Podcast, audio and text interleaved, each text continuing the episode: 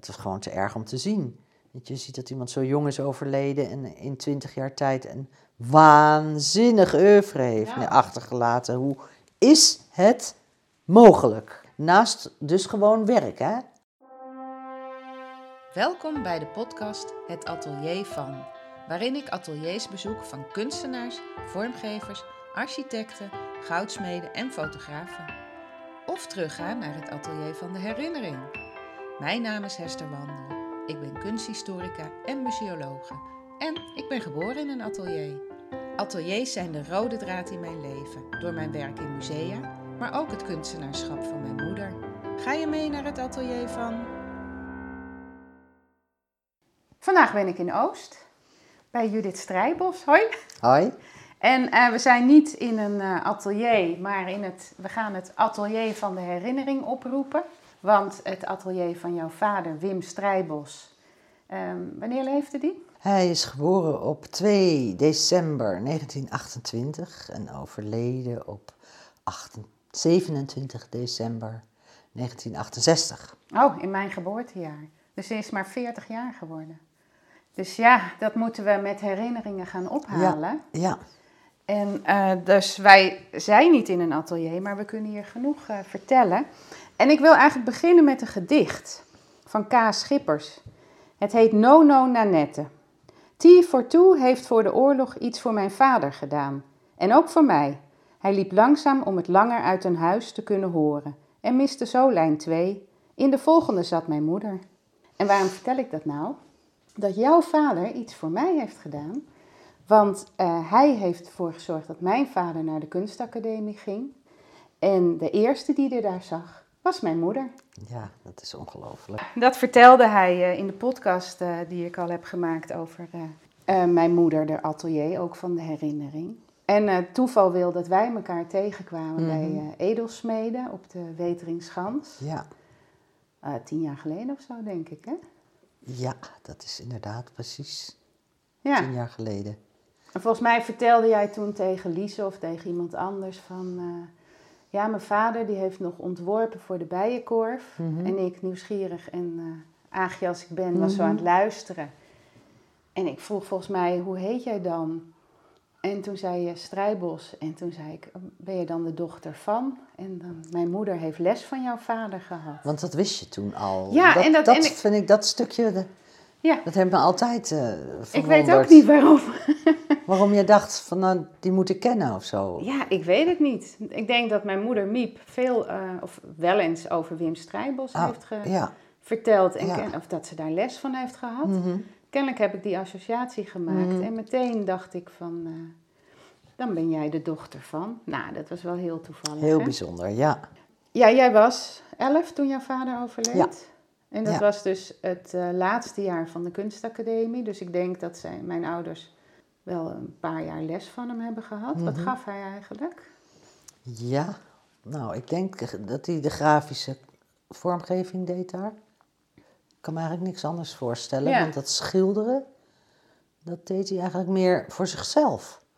Dus ik denk niet dat hij daar les in heeft gegeven, Nee. eerlijk gezegd. echt die grafiek. Ja, En, dus, eh, en waarschijnlijk heeft zijn overlijden ook wel indruk eh, gemaakt. op die school. En jij hebt mijn moeder nog een keer gesproken. Hè? Toen Mhm. hebben jullie met elkaar gebeld. En volgens mij kon zij zich herinneren dat ze jou op die school heeft gezien. Wat weet jij nog van dat gesprek? Weet je, een pijnlijk gesprek. Ja? Ja, want eh, mijn vader was niet aardig geweest tegen jouw moeder op die school. En hij had haar eh, verdacht van het stelen van een kiwi, een opgezette kiwi. Zo'n vogel? Ja, Oh, die had kennelijk daar in een lokaal gestaan als voorbeeld of zo. En toen was hij bij haar op bezoek. En toen zag hij, ik weet nou ineens niet of ik het je ooit verteld heb, maar goed. Toen zag hij onder haar bed een paar sloffen staan. En ik kan me het ook herinneren, vroeger had je nog gewoon tasjes en sloffen en, en, en laarsjes van zeehondenbond.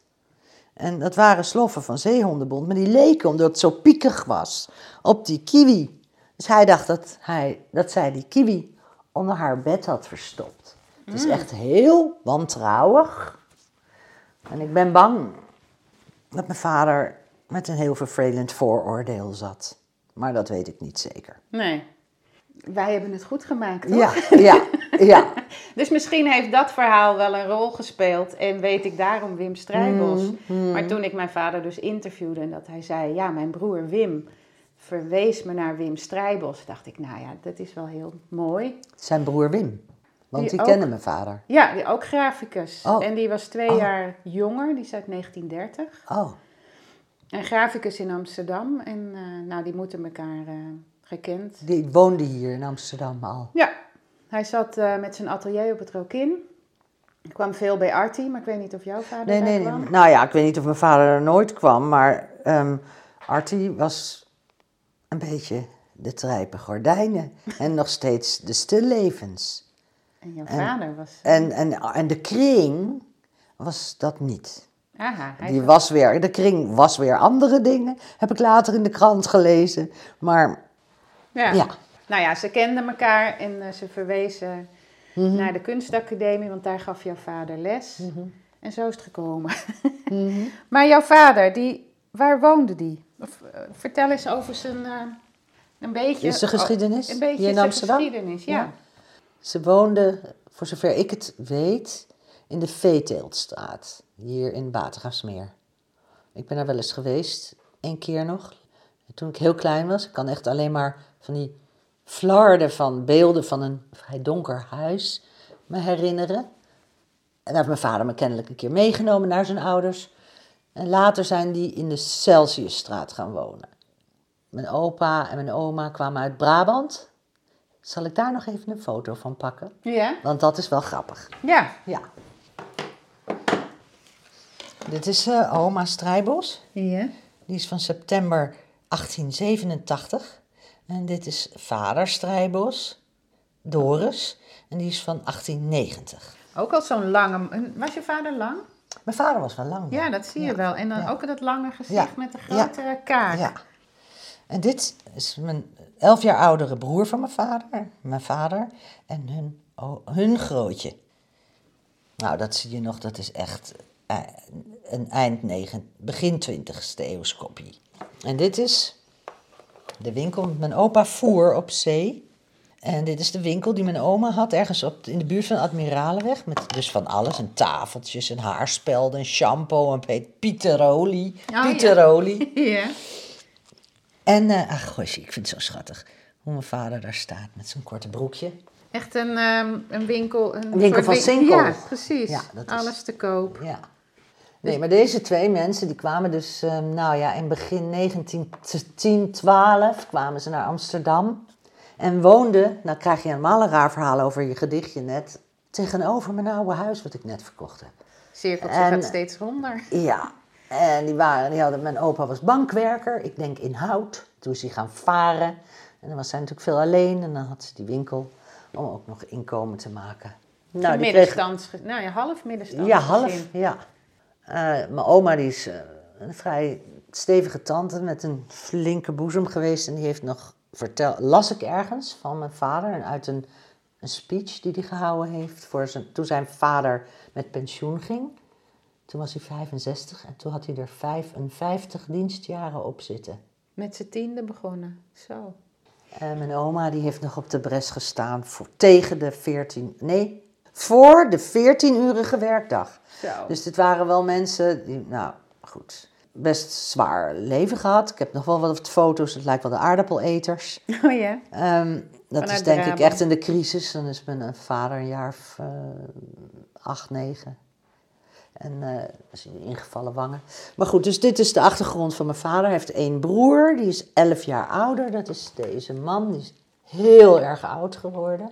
En tussen hun tweeën heb ik van mijn oma wel eens, toen ik haar vroeg... heb je nog helemaal geen meisjes gehad? Heb ik gevraagd. Hebben nog, heeft nog een tweeling gezeten, die is overleden. Dus vandaar die enorme leeftijdsverschil tussen chef en Wim. Ja, en hoe oud is chef geworden? 96. Zo. Ja, dan is Wim met 40. Is wel heel Het was het grote verdriet van mijn opa. Die stond namelijk niet zo heel erg. Nou ja, dat kan je niet zeggen. Het is ook zijn zoon, maar dit was een vrij moeilijke vent, die chef.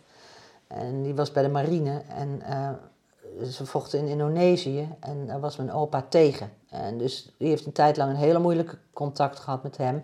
En toen ging zijn lievelingszoon dood. Ja, en waaraan overleed hij? Mijn vader aan longkanker. Hij rookte terwijl hij met tinner stond te verven. Dat heb ik allemaal van dat filmpje van. Daardoor viel bij mij het kwartje.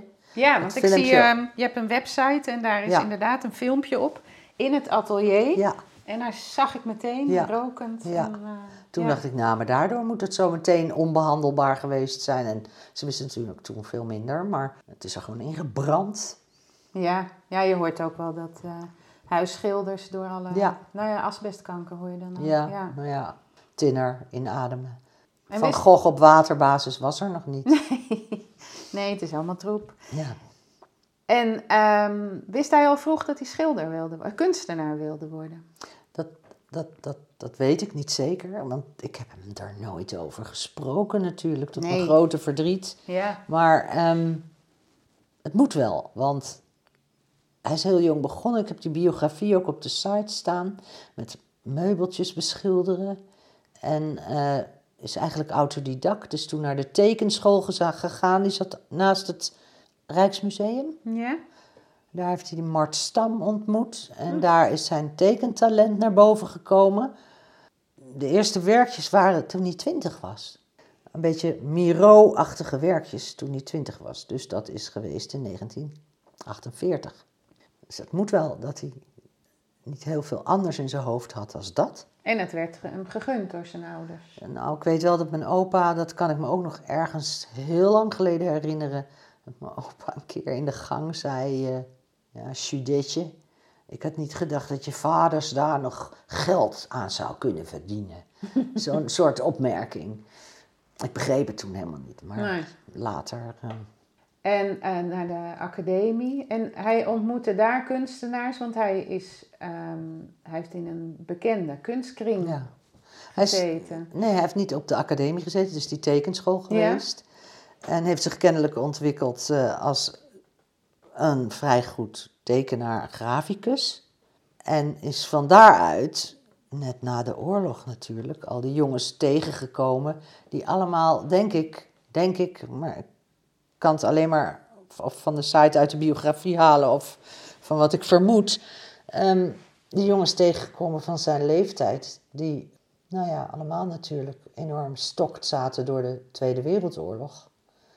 Wat me opvalt is dat mijn vader enorme hang had naar, naar mensen die echt eh, zich hadden verzet. Of, en met die Greet van Amstel ook bijvoorbeeld heeft hij veel contact gehad. Die kwam, die is overlevende uit een kamp. Ik zou me zomaar kunnen voorstellen dat mijn vader net te jong was om in dienst te gaan. Maar dat hij heel graag, die heeft hier rondgelopen. Die heeft 800 Joden hier bij het station in Muiderpoort. Dat moet hij gezien hebben. Ik weet zeker, want hij heeft zich enorm verzet, ook later, tegen dit soort dingen. Ehm, dat hem dat enorm heeft aangegrepen en dat hij daardoor ook een hang had naar dat soort helden. Dus hij had veel vrienden, zoals Karel Blazer en eh Ad Windig, een fotograaf. En ook de, ging je om met de Cobra-kunstenaars? Of was het Ehm, daar juist? nou, ehm, ik denk dat hij Karel Appel wel eens heeft ontmoet. En van Constant Nieuwenhuizen weet ik het zeker. Want daar, dat, dat kan ik me ook als kind herinneren, dat hij s'avonds thuis kwam toen we op het Amstelveld woonden. En dat het heel vaak ging over Nieuw Babylon. Dat weet jij gewoon nog. Omdat ik het zo'n gek woord vond. Ja. En later kreeg ik de kinderbijbel een keer voor mijn verjaardag van Piet Worm. En er stond daar Babylon in. En toen herkende ik, ik dacht, wat, wat heeft mijn vader nou steeds over Babylon? Wat is dat toch? Maar eh, ja, ik kan me dat, dat soort flarden nog wel echt goed herinneren. Dat, van die gekke dingen, dat je een woord hoort en je denkt, wat is dat? Maar hij kwam daar regelmatig mee thuis. Dus die constant, die heeft hij, ja. Eh, er zijn ook foto's van werk wat daarop lijkt. Het gaat over Eindhoven. En dan zie je dat hij geïnspireerd is door Nieuw Babylon. Ja, en die kunstenaars ontmoeten die bij de kring. Ja, kijk, dit soort van foto's, dat is iets in, in, Een in Eindhoven. grote koepel. Hier, kijk, een maquette. Ook met een soort apart, een wereld onder een, onder een Stolp. stolp. Ja, Een soort futuristische ja bouw. een- ja, En ehm, jullie woonden op het Amstelveld. Was daar ook zijn atelier? ja. In Amstelveld de nummer eerste 13. jaren, nummer 13. In de eerste jaren dat we daar woonden, boven op, we hadden twee etages, de tweede en de derde. En die tweede, daar woonden we. En daarboven was een voorkamer, heel mooi, met lage ramen. En daar, dat was hun slaapkamer. En daartussen een kleine kamer. Dan kwam de badkamer en daarachter een grote ja, slaapkamer eigenlijk, met een balkonnetje eraan. Aan de achterkant van het huis en dat was eh, het atelier. En dat keek uit op de... Op de binnen, het was aan de achterkant van het Amstelveld, dus dat keek op de binnenplaats aan, aan de achterkant van de Utrechtse straat. We keken Ja. naar een apotheek, Proton. Daar keken we zo naar binnen. En de leeuw, die slager, Ja, die heb ik wel eens in zijn blote bil zien staan. Dus vandaar dat ik het weet. ja dat eh, vind je als kind natuurlijk Pieter Leeuw. Nee, Ja. je weet iets, nee, niet Pieter Leeuw. Eh, Zo'n hele deftige nu slager. Want ik zie eh, dat filmpje, dus kijkt hij ook, ook uit op water. Is dat dan de Prinsgracht? Oh, dat filmpje, ja. Dat filmpje, daar staan ook andere kunstenaars, staat daarop. Maar je ziet hem ook aan het werk, maar dat is, Ja, dat is dat twee is- dingen gecombineerd. En dat is later in een ander atelier toen hij bij ons vertrok. Hij is vertrokken bij jullie. Ja, hij is in 1965 zijn mijn ouders van tafel en bed gescheiden. Oh. En eh, is hij, heeft hij een atelier gekregen, allemaal een beetje heimelijk, naast de Duif aan de achterkant in de, in de eh, Utrechtse Dwarsstraat. Bij de firma Keizerswaard. Die verhuurde eh, voor feest en partijen van die klaptafels en glazen. En ehm, daarboven, dat was een soort, ja, een soort pakhuisachtig. En daar zat mijn vader op de eerste etage. En Wim de Haan, als die naam je wat zegt. Die maakte hele bizarre kunst met poppenarmen, met bloed. En dat spijkerde die dan op een doek en het spoot hij met zand. En Ik vond het doodeng hij Ja. maakte. Mijn vader zat aan de andere kant. Wim de Haan aan de voorkant en mijn vader aan de achterkant. Een hele mooie grote ruimte. En daarboven zat William Lindmeijer, een beeldhouwer. En Erwin de Vries van het monument in het Oosterpark. Ja. Die heb ik daar vaak gezien. En hij woonde daar in zijn Hij mocht daar niet wonen. Oh. Hij had daar een eenpersoonsbed staan. En een gas, butagasstelletje om ei op te bakken of iets op te warmen. Hij mocht eigenlijk daar niet wonen, maar hij deed het wel, want ze woonden niet meer bij elkaar. En het was vrij dicht bij ons huis, bij ons Amstelveld. Dus als er wat was, ja, dan kwam hij toch niet. Maar goed, ehm, En jij ging daar dan, dan, kon niet dan kon hij komen. Ja, ja, en jij ging er niet logeren, want je was zo Dat kon thuis. niet, dat Nee, kon niet. Ik ging wel tussen de middag lunchen. Eh, warm chocolademelk en inderdaad een, een eitje of een biefstukje brood bakken daar zo. Was het Dus een leuke vader voor jullie? Ik ken hem natuurlijk elf jaar. Ik ken hem als een hele lieve, verzorgde, trotse vader, eerlijk gezegd. Ik kan me herinneren dat hij me 's ochtends uit bed haalde, me waste, pap voor me maakte, havermoutpap. Met een klontje boter, Hmm. want ik was een beetje mager. Ja. En ehm, me naar school bracht, mijn eerste schooldag. Die dingen zijn sterker als je iemand vroeg verliest, denk ik. Hè? Ik, bedoel, ik weet al die Ik dingen moet dat wel, ik heb dat al door opgepoetst, mijn hele leven lang natuurlijk. Ja, ja. Dus, eh, en ik heb wel goed geheugen ook. Ja. Ehm, maar toen hij bij ons wegging, was het moeilijker om afspraken na te komen. Hebben mijn broer en ik ontstellend vaak voor het raam zitten wachten dat hij te laat kwam, niet kwam. Hmm. Ja, Ja. ja, want ik heb hier een mooie foto van jou in het atelier. Dit is Hmm. 1961, hè? ja, ja. En dan ben je drie dus. vier. En je vader zit daar met jou, eh, Ja, nou waarschijnlijk een spelletje te doen. De foto's van Karel Blazer. ja, Maar je ziet een ez twee ezels en werken en allemaal blikken verf. Alfa en flessen. Nou, waarschijnlijk die tinner dan. die tinner. Mooie foto. Die staat ook als eerste op je site, hè? Ja, Ja, ja het is een iconische foto. foto. Maar dit was dus op de Amstel 13 nog. Op het Amstelveld eh, Ah, 13. Amstelveld, ja. ja. ja, in die grote kamer. Ja, die grensde aan de badkamer. Wat voor werk maakte die? Hij, hij, eh, was hij een van de oprichters van eh Nieuwbeelden? Of was het creatie? Nee, dat creatie, dat was eerst met die Greet van Amstel en Willy Broers en Gerrit Benner. En daaruit, ik weet niet precies hoe dat gegaan is, maar daar zijn weer, daar zijn gedoe is daar natuurlijk geweest.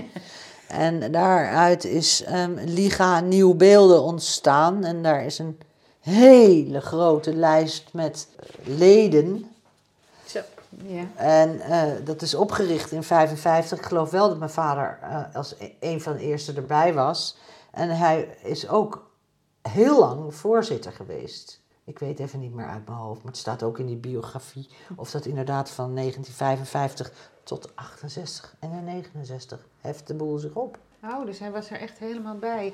En dat waren kunstenaars die zich verzetten tegen het... De eh, trijpengordijnen en de stillevens, die magnolia in die Chinese gemberpot. Ja, van Voerman. Heb ik vorige week nog gezien. Nou, Dat wilden ze niet meer. niet ja. meer.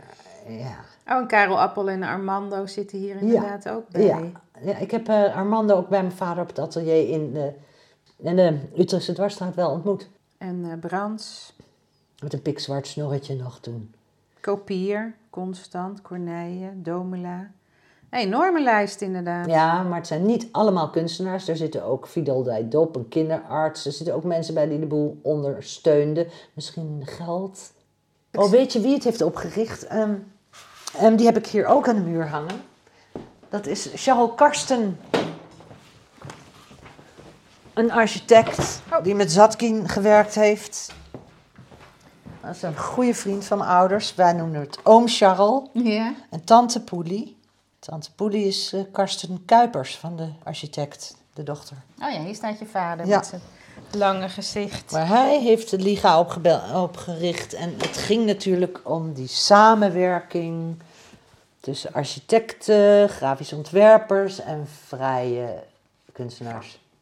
En daar kwam die Charles ook natuurlijk mee, want die kwam helemaal uit de, het eh, Bauhaus eh, Oh gebeuren. ja. Groep 54, creatie, experimentele groep. Krauwel, Gerrits, Ietman, Karsten, Kersten, Neumann, Van Kruiningen, Ongenaa en Volte. En ze zitten dus eigenlijk een beetje tussen de Cobra en Zero in. Tegen het, eh, de verbeelding van de realiteit, voor de emotie van de kleur Mhm. en de vorm. En jouw vader was hier allemaal bij. Maar ja, dus, doordat hij zo jong is overleden, eigenlijk ook niet echt eh, niet meer bekend. Maar hij Nee. heeft wel ongelooflijk veel gedaan. Ja. Want eh, hier in huis zie ik eh, schilderijen met eh, vlakken. En dit is uit 1953, allemaal kleuren blauw. Eh, hoe beschrijf je dit? Allemaal, een, een, Ja, allemaal blokjes. Geometrisch abstract. Ja, allemaal blokjes die weer... eh, Maar het is ook weer niet helemaal echt... in de zin, ja, het heet wel geometrisch abstract, denk dat ik. is de titel. Of nee? Nee, nee, nee, dat is Nee. niet het. Maar ik dacht dat het zo heette. Maar er zitten natuurlijk ook dingen in die niet zo strak zijn. Maar Een ovale vormen, bijna ook wel een gezicht. Maar dat... ja, het is voor mij wel een van de schilderijen die ik me uit mijn vroegste jeugd herinner. Daarom wilde ik hem er ook graag ophangen. Het is een mooi werk ook. Uit mijn vroegste jeugd herinner dat hij er altijd was. En dat klopt ook, want hij is uit 53. Hij hing boven het bed in de kamer op het Amstelveld van mijn ouders. Maar jouw ouders zijn gescheiden en hij overleed. Heeft jouw moeder dan de spullen voor jullie geërfd? Of... Ehm, heeft mijn moeder... Ja, we, we hebben alles geërfd. Natuurlijk wij ons kindsdeel en zij haar deel. Want wij En- niet officieel gescheiden. Nee. Nee, van tafel Ja, bed zei je ja. al. Ja. En ehm, deze werken hebben allemaal heel erg lang op een zolder gestaan. Nou, dat kon eigenlijk niet meer. Daar hebben we ze medio tachtiger jaren weggehaald. Hebben ze nog een tijd bij mij in de kelder. Al die werken, die er, het waren er nog veel meer. Want er zijn een heleboel verkocht in 1990. En die hebben jarenlang hier en daar gestaan. Allemaal niet goed voor. Er zit daar ook een putje in. En je ziet het ook links. Maar goed, op een gegeven moment, ja, toen mijn moeder overleed, moest ze natuurlijk gewoon ergens heen. Toen heb ik ze naar een opslag gebracht. En onlangs heb ik eh, met mijn broer verdeeld de, de olieverfwerken. En de rest moet nog. ja, want Ja. je hebt ook heel veel werk op papier, want hij was Ja. inderdaad graficus. Hij maakte affiches. Hij, er staat hier een heel mooi groot affiche, A0 formaat, kleur heet het. Dat is van die Sikkens. eh, Dat, want hij heeft kleuren ontworpen ook voor Sikkens. die waaier, ja. Een kleurenwaaier. En eh, deze, dit affiche was een eh, tentoonstelling. Ik meen, is het 55? 56 staat volgens mij helemaal onderaan kleine lettertjes op dat ding. Ja, het is wel die tijd, kan het ook niet. Oh, wacht, ik moet het... Nou ja, je ziet het ook op de Sikkens site, kan je het ook zien. Nou goed, volgens mij 5 of 56. Een tentoonstelling in die vleugel. Dat is de, niet de, maar de... Van het Stedelijk het Museum, Stedelijk de Museum. Associé-vleugel. Die, Wel, De Sandbergvleugel wordt die genoemd, die er nu niet meer is. En maar daar, die was speciaal ontworpen voor die moderne kunstenaars. voor die jongens die iets anders wilden. Ja. Ja, dat... eh, Hij wou ze een ruimte geven om hun gang te gaan eigenlijk. En nou is hij er niet meer. Ja, daar hangt nu iets anders in de lucht. Ja, Het is nu de plek van het restaurant. Maar Ja. die was inderdaad in mijn jeugd, was die er ook altijd. En wij gingen wel een kopje thee drinken even in het stedelijk. Ja. En eh, ik vond de trap daar altijd zo Ja. vermoeiend. ja. Die is heel groot voor een klein kind. Nou ja, ik denk dat de nou, Oh, verhouding ook... eh, Maar hij ontwierp en heeft daar dus geëxposeerd. Dingen met die tentoonstelling kleur in En 1955. dit affiche dus Ja. gemaakt. Het is dan wel bijzonder dat je kleuren mag ontwerpen voor een verffirma. Ja. Want hij werkte niet alleen voor eh Sikkens, maar ook voor de Bijenkorf. Hè. Daar heeft hij heel lang Heel eh, veel affiches gemaakt voor de Bijenkorf. Ja. etalages. En etalages, daar ze, heeft hij mijn moeder ontmoet. Ah, wat deed zij? Ja, dat heb ik laatst ook gevraagd. Ehm, ik, ik weet het eigenlijk niet. Ze werkte in de Bijenkorf als een jong meisje. Want ze kwamen met een groot gezin uit Brabant die in Amsterdam wonen. Dus toen ze, een jaar, toen ze niet meer naar school ging, een jaar 16, 17 was, moest ze gaan werken in de Bijenkorf. Ik denk dat ze daar opgevallen is, want ze was bijzonder knap. En ehm, dat hij er gevraagd heeft om naar die afdeling te komen. Dat denk ik. Want mijn moeder was niet opgeleid als etaleuze. Oh, ze werkten daar samen. ja. En zo, zo kwamen En zij aan elkaar. Ja. Nou ja, eh, die Bijenkorf, en dat weet jij misschien ook nog wel. eh, het was natuurlijk een hele bijzondere plek onder die Isaac, eh, die, die eh, directie. En eh, wie was ook de kunstpaus, hoe heet die ook alweer? De Bremsela. Ja, Benno Die. Bems- Benno die had daar, het was, nou ja, laten we even zeggen, art director voor de etalage, de inrichting, de meubelafdeling die hilarisch was daar schijnt. En heel erg vooruitstrevend. En ehm, nou ja, zodoende ja, kwamen daar allemaal mensen bij elkaar die net wat anders waren. En eh, daar stond die bijkorf heel erg voor open. Ja. Dus daarom dat, dat daar heel veel gebeurde. Dat, mensen, dat daar kunstenaars gewoon eigenlijk aan het werk waren. En heeft hij wel tien jaar of zo de vormgeving gedaan, toch? Best lang. Dat zou best kunnen, ja. Maar ik zie hier nog meer. Keramiek heeft hij ook ontworpen. Ja, waar dat nou vandaan kwam, ja. Je hebt nog iets. Ja, ik heb nog een paar dingen, die staan beneden, maar deze heb ik even... En Dat is een, ehm, een schaal. Nou, deze is nog niet is ongeglazuurd nog. Het Voor Goede Wagen in Gouda. Hm. En dan heeft hij ook de vorm van de ko- kom bedacht, of de dat- schaal. Dat weet ik niet, maar, Maar hij heeft er een hele het. grote kreeft. Nou, het zou hard. Het is heel modern nu weer, hè? Ja? Dit eh, zou zo eh, bij eh Enklavering kunnen staan. Oh En? Dit is een soort terrine Ja. met een deksel die ook weer misschien als Een schaal schaaltje, kan. ja. Groen en daarop een haan.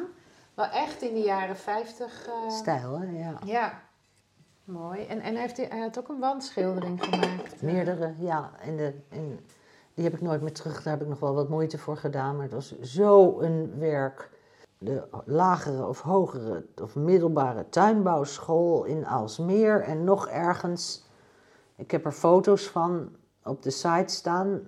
Met Engelse teksten, met letters. Paars met wit. En, en hij heeft in Fodor een wandschildering gemaakt in 64 of 63, nog net. Dat is er ook niet meer natuurlijk.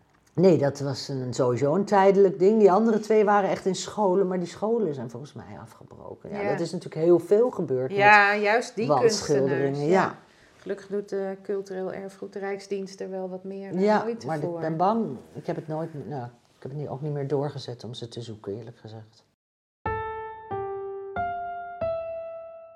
Eh, jij was elf. Eh, daarna ga jij zelf naar school en ehm, werken, opleiding doen, Mhm. werken. Jij doet iets heel anders. Is dat bewust of zat het Nou, zo'n jou gek erin? verhaal, wat laatst weer een beetje naar boven kwam ehm, bij me. Wat ik eigenlijk vergeten was, of misschien wel weggestopt. Ik eh, heb natuurlijk door het overlijden van mijn vader best wel moeilijk gehad. Ik hield heel veel van hem. En ehm, daardoor ook mijn school best wel ingewikkeld gedaan. En toen ik uiteindelijk met heel veel ehm, motivatie toch mijn HAVO had gehaald. En ik altijd tekenles heb gehad. Ik zat vanaf mijn vierde tot mijn achttiende jaar op de nutschool voor beeldende expressie. Oh, dus de opvoeding werd er al wel op voorbereid. Ja. ja. Elke woensdag En vanaf mijn twaalfde elke vrijdagmiddag. Het leuk? Elke, ik ging nooit niet. Oh, ik vond het echt leuk. Tante Tientje Pietersen, Kortel, gaf daar les. En Leo Schatz, daar heb ik les van gehad. Die vertelde dan verhaaltjes. En dan moest je naar aanleiding van het verhaaltje wat tekenen of wat schilderen. Nou, alles kon daar. Ehm, waarom vertelde ik dat? En Waarom je, of jij... eh, Oh ja, of de keuze had gemaakt. Ja, dus dat had ik gedaan. Daarna, toen ik eh, in puberteit zat, heb ik eh, nog portret- en modeltekenen gedaan bij Ans Heij op de Singel. En toen dacht ik, ik ga proberen op de Rietveld te komen. Ik had een map gemaakt. Ik moest een, eh, ook een collage maken. En daar zit Henk Brouwer. Ik kende de man helemaal niet, maar hij mij wel. Hij zei, ben jij er eentje van Strijbos? Toen zei ik, nou, als u bedoelt Wim, dan ja. Dan ben je aangenomen. Oh, Ik zat daar zo. Ik had iets veel moeilijkers verwacht. En met die grote map terug op de fiets. Ik heb nooit meer wat gezegd. Ik ben er nooit meer heen gegaan. oh. Ik dacht, dat worden hele grote schoenen waar ik in moet gaan staan. Mm. En Ja, gelukkig was ik realistisch. Gelukkig. Want wie zegt nou dat jij... Hè? Wie zegt dat nou? Dat je net zo goed bent als je Wie zegt dat, en dat ik er überhaupt van zou kunnen leven. Dus ja, toen heb ik een ander vak gekozen waar ik een goede neus voor had gekregen inmiddels. Ja, En dat zo is is, het gegaan. Maatschappelijk werk, ja. want je kon goed tussen mensen laveren. Nou, nee, ik kon helemaal niet goed tussen mensen laveren. Ik rook altijd aan de voordeur al of ergens stront aan de knikker was. Want dat had ik inmiddels wel eh, als kind natuurlijk meegemaakt. Verdriet en een scheiding en gedoe. En dan kies je dat als je beroep. Daar was ik ook heel goed in, om Ja, ja. gauw te ontdekken. Goh, dus je had naar de Rietveld kunnen gaan, dankzij je vader. En uit, En twee jaar later was die Henk Brouwer ook eh, overleden. Is ook niet zo oud geworden. Maar ik ben nooit meer gegaan, zeg ik. Ik heb nooit meer iets gezegd of gevraagd. en dat, Zo ontdek, geschrokken. ja, en dat ontdekte je onlangs pas. Nou ja, ik wist het wel, maar ik had het gewoon weggestopt. En het ging over iemand anders die eh, op de Rietveld had gezeten. En eh, toen dacht ik, ja, jezus, dat, dat heb ik ook gewoon, heb ik gewoon ook bijna gezeten. Hoe is dat gegaan? En toen dacht ik, ik ben teruggefietst. Ik heb nooit meer iets laten horen. En niemand heeft mij gebeld. nee, ging en je moeder heeft ook niet gezegd. Ze wist niet eens volgens mij dat ik daarheen was Oh. gegaan. Het is er nooit meer over gegaan. Nee. Mijn broer is daarna naar de Rietveld gegaan. Oh, dat wel. Ja, Hij is kunstenaar geworden. of- die is ehm, industriële vormgeving gaan doen. Hmm. Ja. Misschien ook wel op zijn naam aangenomen. Zou kunnen. Ik heb dat verhaal nooit gehoord van hem, maar het zou zomaar kunnen. En je moeder, hoe ging die om met, ehm, nadat je vader was overleden, met zijn eh, werk? Of hoe, hoe, ging zij, eh, hoe zag zij hem? Want ze gingen natuurlijk scheiden. Maar... Nou, mijn moeder was heel jong hè, en mijn vader was negen jaar ouder. Ze was eh, twintig toen ik geboren werd, dus ze moet 18, misschien wel 18, misschien wel 17 geweest zijn toen ze mijn vader ontmoette. Dus dat was een heel groot verschil in leeftijd. Het was een heel groot verschil in de achtergrond. Mijn moeder kwam uit katholiek Brabants gezin. Mijn vader, zijn Brabanders, die waren al een eindje weg. Dat waren al Amsterdammers geworden. Een heel ander gezin, een rood gezin. En mijn vader is op zijn Hé, hey, wacht even. Ja, ja, op zijn 28ste katholiek geworden. Oh ja, Dat vond hij echt gezellig gebeuren. Toch zijn Brabantse roots. Ja, of, nou ja, er was natuurlijk bij mijn, mijn grootouders was veel ruzie thuis. En eh, niet zo gezellig. En de Brabantse familie van mijn moeder, daar gebeurde ook van alles. Maar de kat kneep in het donker. Ja, En dat leek van buiten heel gezellig gezin. En vast mijn oma, die ik niet gekend heb hoor. Ik heb nog even in haar armen gelegen. Maar goed, mijn vader, lang verhaal kort, vond het katholicisme met al die toeters en bellen en al dat gedoe, vond hij heel gezellig. Die is katholiek geworden en, en ja, ze, toen mijn moeder 19 was, nou was het september 9, ja, 19 was, is ze getrouwd. Want ik ben toen ze 20 was geboren. Dus ze was piepjong. Met een man die dus in die groepen verkeerde van die mensen die je net een paar noemde. Waar mijn moeder natuurlijk zo naar heeft opgekeken. Mijn moeder was absurd knap, echt gewoon absurd knap. deed ze daar iets mee? Model? eh? Nee, rondlopen ermee. Oh ja? ja, ze was absurd knap. Ze leek op eh, Audrey Hepburn. Oh ja. Twee wijd uit elkaar staande groene ogen. Heel lang donkerbruin, golvend haar. Klein schattig rond smoeltje. Alles zat op de goede plek. Ja, mijn vader had goed geschoten. Ja, ja. En is hij veel vastgelegd door de fotografen om hen heen? Nou, al die, eh, die affiches die je net noemt van de Bijkorf. Al die vrouwen die daarop liggen te slapen. Of met een handschoenen of een hoed van eh, Harry Scheltens. Die ook voor Beatrix alle hoeden maakte. Oh ja. Eh, zo, ehm, dat is mijn moeder. Een beeldschone foto's. Oh. Dus Karel Blazer zag het ook. Ja. maar ja, toen was ze ineens piepjong weduwe. Het was, wed- nou, het was natuurlijk eerst piepjong gescheiden. En mijn moeder Oh, kwam ja. uit een katholiek gezin. Die had, die had een kasteeltje gebouwd in haar hoofd. En dat sodemieterde zo in elkaar. Dan gingen ze scheiden. Mijn moeder kon het helemaal niet aan. Mijn vader had een relatie met een leerlinge. Hm, En ehm, dat mocht helemaal niet. Maar ja, dat gebeurde veel ja, natuurlijk. Ja. Ja. dat gebeurde op mijn school ook heel veel. En, en dan boven de, eh, onder de 20 en onder de 18. Maar goed, ehm, ehm, maar dat kon mijn moeder niet aan. En eh, twee, drie jaar later overlijdt hij aan kanker. En het was echt, eh, nou, in de zomer moesten we gehaald worden van onze camping door een vriend waar we waren. En in december was hij dood. Mijn moeder kon het helemaal niet aan. Komt helemaal niet aan. Twee kinderen in er eentje. Een uitkering. Mm. Onze erfenis werd gestolen.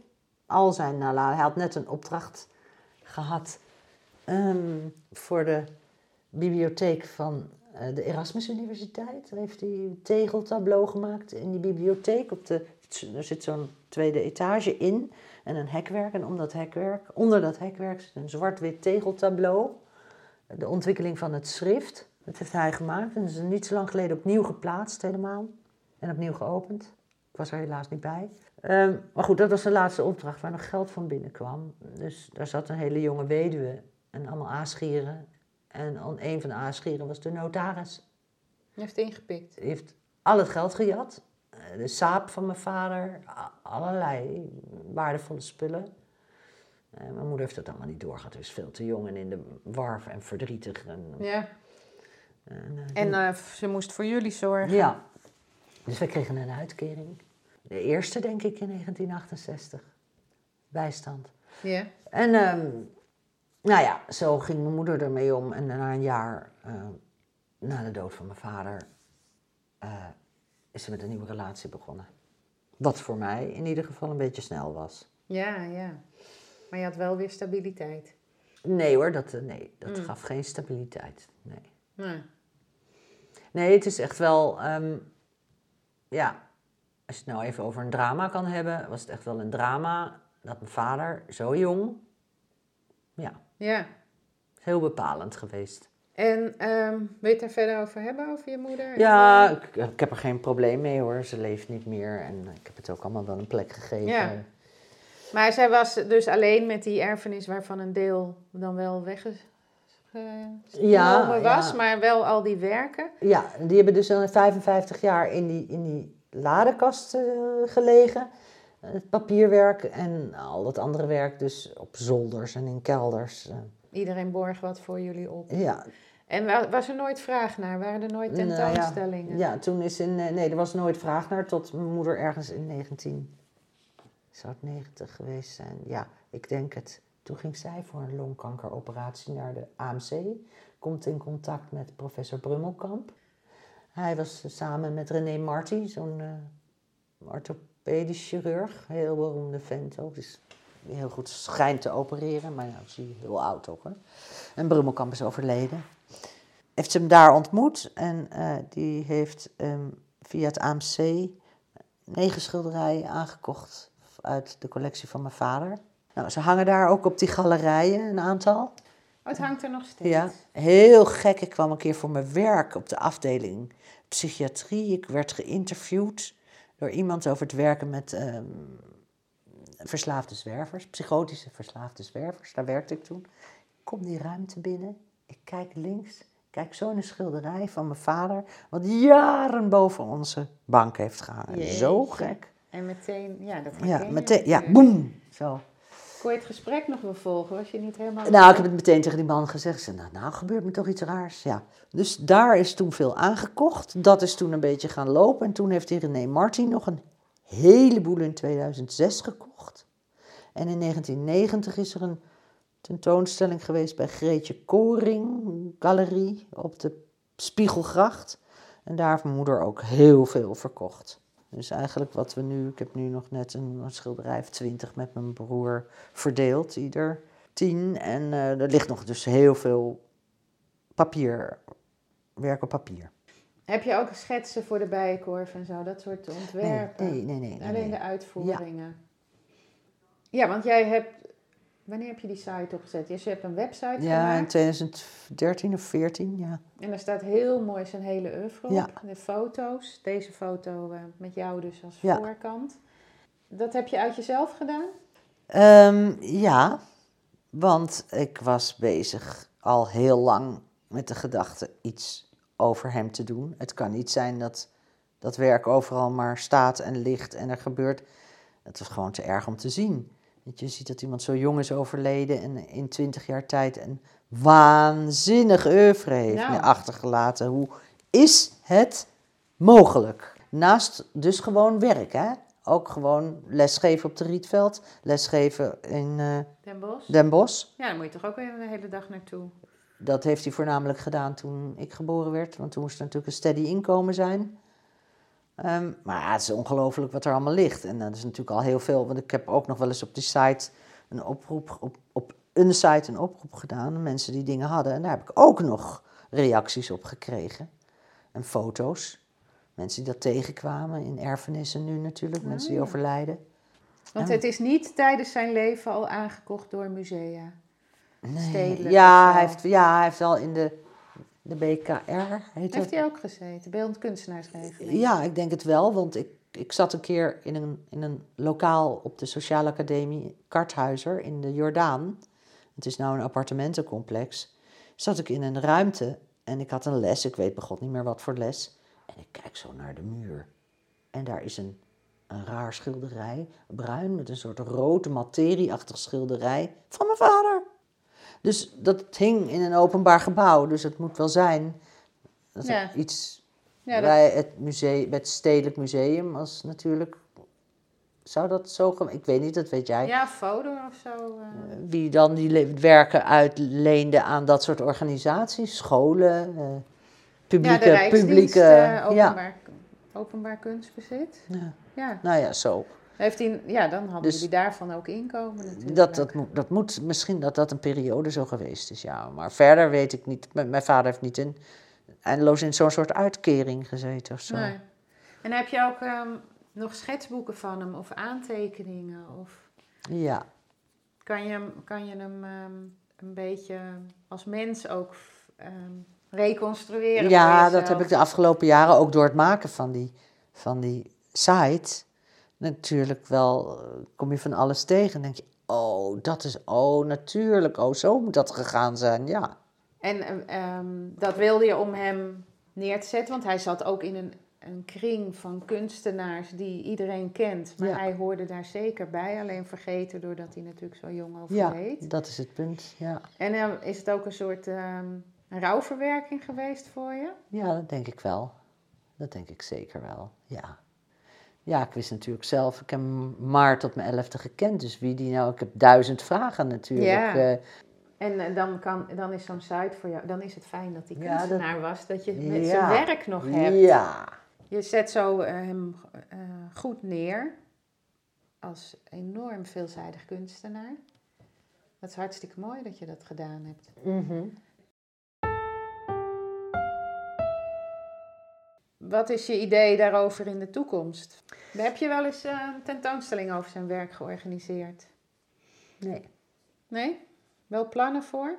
Ja, er zijn meerdere plannen geweest. We zijn ook al eigenlijk uh, in 2014 bij het Cobra Museum geweest. Ja, daar zou het heel mooi passen. Ze waren bezig, want we kwamen binnen met die ten grote tentoonstelling van Constant. Want die foto's die ze daar op de muur hadden, heel groot uitvergroot, die raakte me meteen, want die sfeer, die ken ik. Nou, dat laat ik je net zien. Die sfeer, die ken ik natuurlijk, dat soort, dat soort dingen. Ja, daar was hij bij. Ja.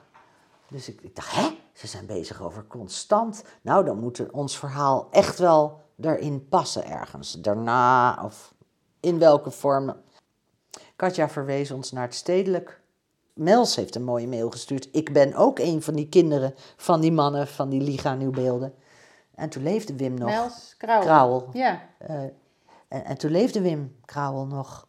En toen kregen we eigenlijk het antwoord na maanden. Toen zeiden ze, ja, het past niet in onze programmering. eh, publieksaantallen. Het heeft nog tijd nodig om Ja. het te ontdekken.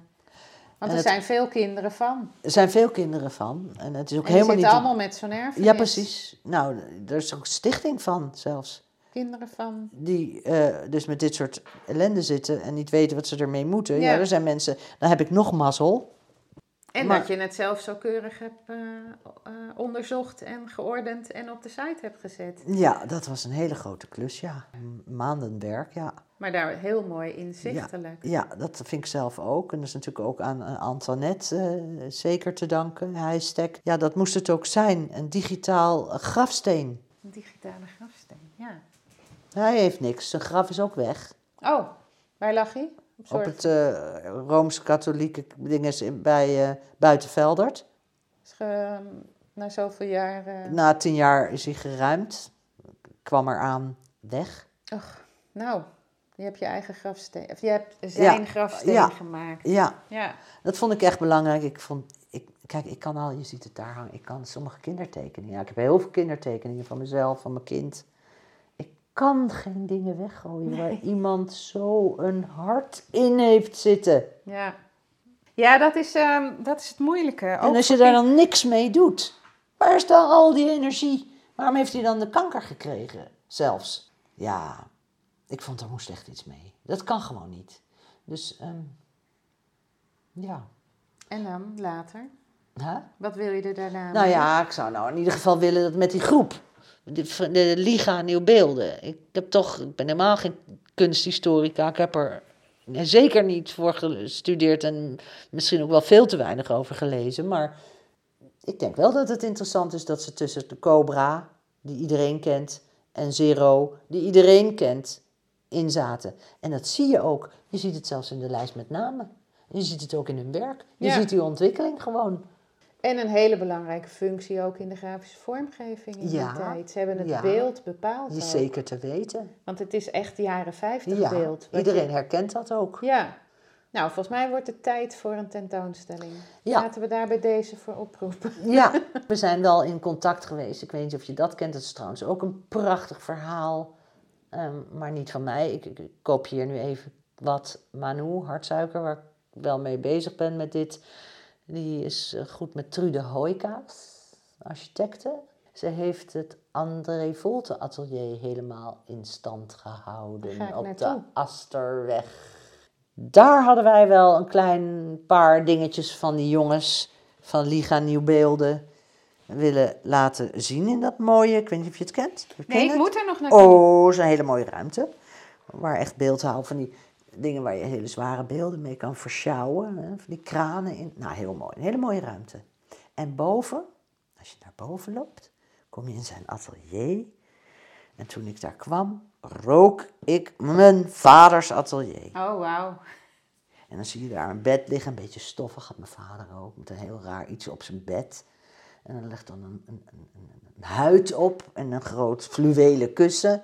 En allemaal kleine doosjes met dingetjes erin, schroefjes, plaksel. Het ruikt er naar hout, lijm, naar verf.